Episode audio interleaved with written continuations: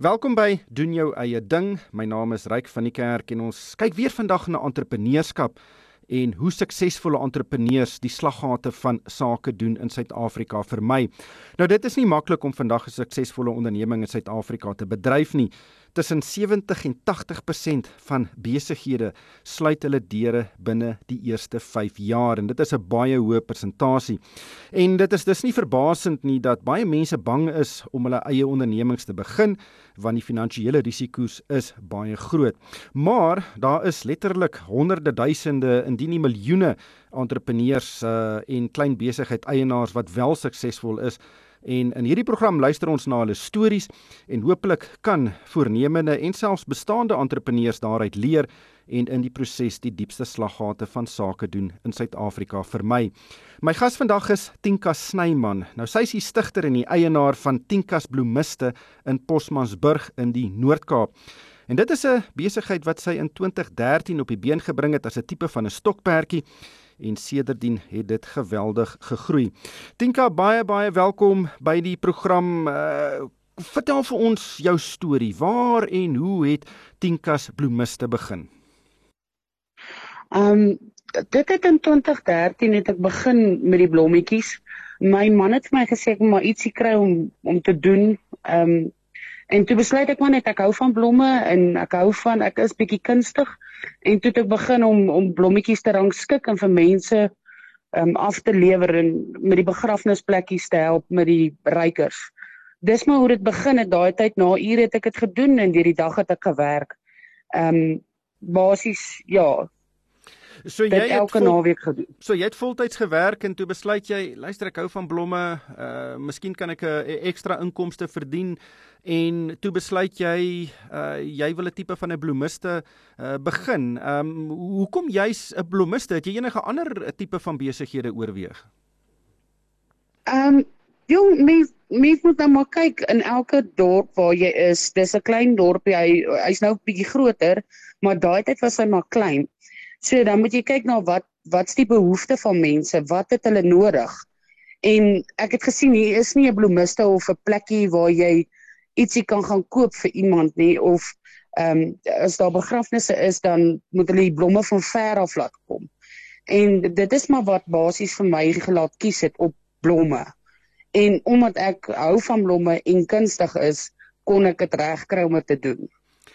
Maar dit is 'n Maar dit is 'n interessante keuse vir 'n besigheid, uh, soos jy nou gesê het op 'n klein dorpie. Hoe het jy nou die die die behoefte geïdentifiseer uh en toe gesien, luister, hier is 'n gaping in die mark om 'n bloemiste te begin?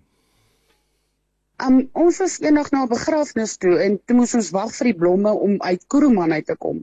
En dit was baie dis baie ver van ons af. So toe toe sien ek daarso daar's nie blomme nie. Niemand het blomme in die dorp nie. So ons dit is 'n behoefte om rykers te maak. So waar kry jy jou blomme? Ek kry my blomme hoofsaaklik van Johannesburg Blommemark af, alsmeer en dan kom dit met die koerier tot hier by my. Ek bestel in die oggende en dan die volgende oggend lewer ehm um, die koerier vir my my blomme af. Uh, doen jy dit elke dag en en hoe bepaal jy watter blomme jy uh, bestel? Ehm dit hang maar af van seisoen. Mense kry nou mos maar uh, volop blomme in 'n sekere seisoen, dan kry jy byvoorbeeld ehm um, lelies is dan volop of uh, maar rose is altyd daar so. Jy het jou basiese ehm um, basis waarop jy kan werk wat als uh, jy weet in blom bly. Maar dan is daar nou seisonale goeders wat jy maar per seisoen kies. Maar gewoonlik dan sit die mark uit daarsoos nou dit en dit's wat nou in seisoen is en dan koop ek maar net so dit wat in seisoen is. Maar blomme hou nie lank nie. Uh ek neem aan dit moet nog 'n logistieke uitdaging wees om blomme van Johannesburg af te bestel en dit dan uh, verkoop te kry in Posmansburg. Ehm um, is dit jy wat maar proaktief is en en die blomme bestel en dan hooplik hoop jy dit verkoop of werk jy maar op bestellings en dan uh, bestel jy nou maar die blomme van Johannesburg af soos die vraag aan jou kant is? Ja, kyk, um, ek bestel basies weekliks, eenmal 'n week, maar ek maak dit altyd dat dit so die donderdag of die Vrydag by my kom. dan uh, wat nou van die mark afkom. Sodat ek vir die naweek vars blomme het vir begrafnisse en dan vir ander doeleindes ook. Maar meestal is dit ehm um, vir begrafnisse. In die week dan kry ek van 'n ander klein markie af as ek blomme nodig het vir 'n funksie of so. Andersins is dit maar net ons koop lokaal blomme aan en dan uh, verkoop ek dit weer. Hoe lank hou blomme tipies? Hoe lank kan jy dit nou uh, in jou winkel hê voordat dit nou as ek dit nou kan sê afgaan? Ja, kyk blomme is nou mos maar baie sensitief vir hitte en dit is baie warm hier in die Noord-Kaap. Ehm um, maar hulle hou nie baie lankie. Jy het maar 'n klein tydjie om dit te verkoop. Soos as ek nou byvoorbeeld ehm um, donderdag aankoop en ek kry dit Vrydagoggend, dan moet ek sorg daai blomme is teen Saterdag verkoop. Anders te teen Maandag dan lyk dit nie meer goed genoeg om te verkoop nie want die kliënt moet ook die blomme nog darm so 3 4 dae kan geniet. Ja so hoe, hoeveel van die blomme moet jy nou weggooi as ek so kan sê want eh, dit ek neem aan die kern van jou winsgewendheid gaan afhang van uh, die hoeveelheid van hierdie blomme wat jy nou kan verkoop en om die blomme wat nou wat jy nou moet weggooi dit so hoeveel as moontlik te beperk. Ja, kyk, dis hoekom ek maar meestal op bestellings werk vir groot bestellings. En ehm um, maar andersins die blomme wat ek dan nou maar ek probeer dit so bestuur dat ek nie regtig iets verloor nie. Ek moenie ek moet byvoorbeeld eh, net 'n emmertjie blomme verloor en eh, nie te veel nie. Ek hou ook nie te veel aan nie want dit is dan te veel om te verloor. En jy het vroeër gesê jy doen baie begrafnisse of lewer blomme vir begrafnisse. Is dit maar jou jou kernmark? Dis maar die uh, kernmark. Ehm um, ongelukkig is dit nou maar so, maar ek voel ek um, om blomme by 'n begrafnis te doen is vir my 'n eer want daai laaste eerbetoon vir jou geliefde probeer ek so mooi as moontlik maak. En troues en ander funksies uh, uh, skep dit ook 'n mark. Ja, daar's 'n mark vir dit ook. Ek doen troues. Ehm uh, meeste van die tyd is dit nou maar oor naweke Saterdag. En ehm um, die funksies en en goedjies is nou maar dit hang nou maar af wanneer iemand 'n event boek of iets 'n verloving of ehm um, dalk 'n werksfunksie of 'n seminar of iets dan doen ek ook die blomme. En eh, ek weet eh, ek bestel baie blomme vir uh, my vrou en as ander mense verjaar dan sal ek ook vir hulle blomme stuur maar ek gebruik 'n diens soos Netflorist waar jy uh, op die internet kan bestel en dan word dit afgelewer wat 'n baie gerieflike diens is. Uh, is jy miskien in die netwerk van Netflorist of een van die ander uh tipe van ehm um, uh, webblaaie wat vir jou hierdie diens gee? Ja, ek is by Flora Niche. Flora Niche, um, almal bestel by hulle en dan gee hulle die opdrag weer na my toe. So, dit kan vanaf landwyd gedoen word. Ek het al kliënte uit Australië uitgehaal wat, wat wat my gebruik het om vir hulle geliefdes hierso blomme te vat. Ehm um, so ja, daar is 'n 'n mark met dit. Is daar enige ander bloemiste op die oomblik op uh Posmasburg? Nee, ehm um, daar is nie uh, nog 'n bloemiste hier in Posmasburg nie. Die naaste een wat hier nog is is in Katoo of Kuruman. So jy het 'n tipe van 'n mark wat uh joune is in aanhalingstekens. Uh, kan jy sien dat die plaaslike gemeenskap lojaal is teenoor jou? Ja, ek het uh, getroue kliënte, kliënte wat gereeld by my bestel ehm um, wat goeie kliënte van my is. So ek waardeer hulle baie en ek probeer hulle altyd op die hande dra. As as hulle by my bestel dan spring ek om vir hulle die beste te gee. Uh, Natuurlik is dit nie maklik om 'n besigheid in Suid-Afrika te bedryf nie. Ek het ook vroeër gesê meeste besighede kan nie hulle deure vir 5 jaar oop hou nie. Uh, wat was jou grootste uitdagings uh toe jy nou die besigheid begin het uh en en en hoe het jy hulle oorkom? Ehm um, die die groot ding is jy moet jy moet baie mooi beplan. Ek het ek het al my vingers verbrand waar kliënte vir my gesê het hulle wil blomme bestel en dan bestel ek dit en dan op die einde van die dag gaan sê hulle sorry, ons het nie met die blomme nodig nie. En dit is dis 'n paar foutjies wat ek van tevore gemaak het. So nou moet die kliënte maar bietjie voor die tyd betaal en dan doen ek die blomme. Ehm um, ander ding wat daar was was maar om dit vars te hou om dit uh, langer tydperk te kon hê, maar met die hitte is dit is dit baie moeilik. So dis hoekom ek dit op klein skaal doen is as gevolg van die hitte en nou met die load shedding nou is dit nog moeiliker want die blomme kan nie die hitte vat nie. Het jy nou 'n tipe van 'n koelkamer om die blomme nou in te, te stoor voor hulle verkoop is? Ja, dit's nie 'n koelkamer nie, dit is maar net 'n vertrek met 'n aircon, uh, 12 BTU aircontjie en hy maak vir my my vertrekkie uh, lekker koel cool, of warm dan nou in die winter as dit te koud is. Maar ja, dit is maar net 'n gewone aircon wat ek insit. Maar as daar nie krag is nie, dan kan hy nie werk nie. Ja, ek dink dit is baie besighede se se uitdaging uh veral iets soos um vars produkte wat jy moet verkoel en as jy dit nie kan doen nie, gaan dit regtig 'n direkte impak op jou besigheid. Het, het jy al geld verloor weens beerdkrag? Ja, ek het al baie um wat ek blomme bestel het en dan ehm uh, toe die uh, fase 6 nou ingekom het, het dit vir my verskriklik gekelder. Ek het ehm um, baie meer blomme verloor oor die laaste 2-3 weke as wat ek van tevore verloor het. Dan 'n ander groot probleem wat baie klein besighede het is kontantvloei. Uh natuurlik moet jy baie keer blomme koop. Dit is kontant wat uitgaan en dan kry jy eers die geld later terug. Uh, is dit een van die dinge wat jou soms wakker hou in die nag?